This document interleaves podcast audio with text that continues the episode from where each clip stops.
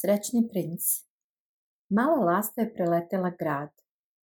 Bila je jesen i brzo se morala seliti na jug, gdje je zimi uvek toplo. Na svom putu lasta je ugledala zlatnu statu princa sa sjajnim plavim očima od safira. Na maču princa bio je crveni rubin. Mala lastavica se namestila u podnožju statue da se odmori. Odjednom je ptica osjetila kapi na glavi. Dolazili su iz prinčevih očiju. Suze su mu tekle niz lice. Ko si ti? upitala je lasta. Ja sam srećni princ.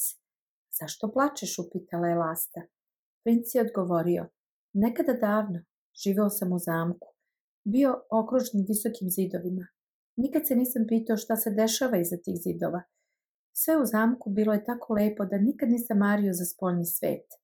Svi su me zvali srećni princ. Sada stojim kao kip iznad grada i svakodnevno gledam svu bedu grada. Iako mi je srce sada od olova, ne mogu da za... ne plačem.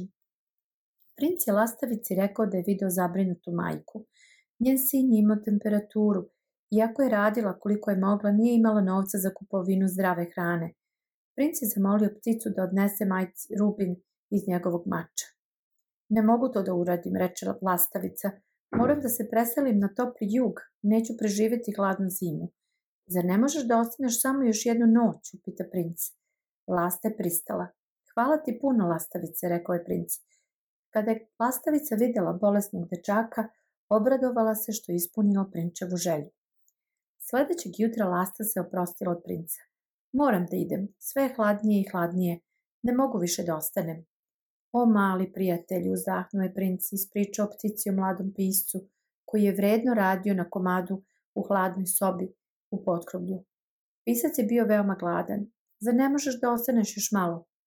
U redu, samo još jednu noć, složi se lasta. Uzmi jedno moje oko i odnesi ga piscu.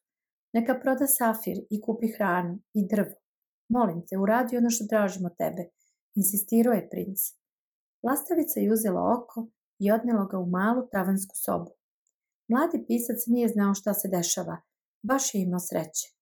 Sada stvarno moram da se pozdravim, reče Lastavica. Opet je princ zamolio da ostane, ovaj put da pomogne devojci.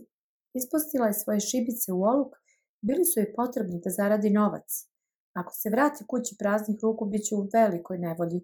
Uzmi moje drugo oko i ponesi joj ga. Ako ti uzmem i drugo oko, bit ćeš slep, povikala je lastavica. Princ je insistirao i lastavica je odnela drugo oko devojci. Lasta se potom vratila princu. Sada si slep, reče ona, i zato ću ja ostati s tobom. Sljedećeg dana Lasta ispričala princu svu tugu koju je vidjela u gradu. Rekla je princu kako su bogati bogati, a kako su siromašni siromašni. Princ je rekao, lastavice, uzmi zlatne liske mog tela i daj ih siromasima. Lastavica nije htjela da napusti princa, iako su dani postojali sve hladniji i hladniji. Ptica je veoma zavolela princa. Došao je dan kada je lastavica pod prinčevim nogama utonula u dubok, dubok san. Princ je shvatio da ptica umire i to mu je slomilo olovno srce. Sutradan je gradonačelnik grada prošao pored statue srećnog princa. Ta statua izgleda užasno, vreme je da je zamenite.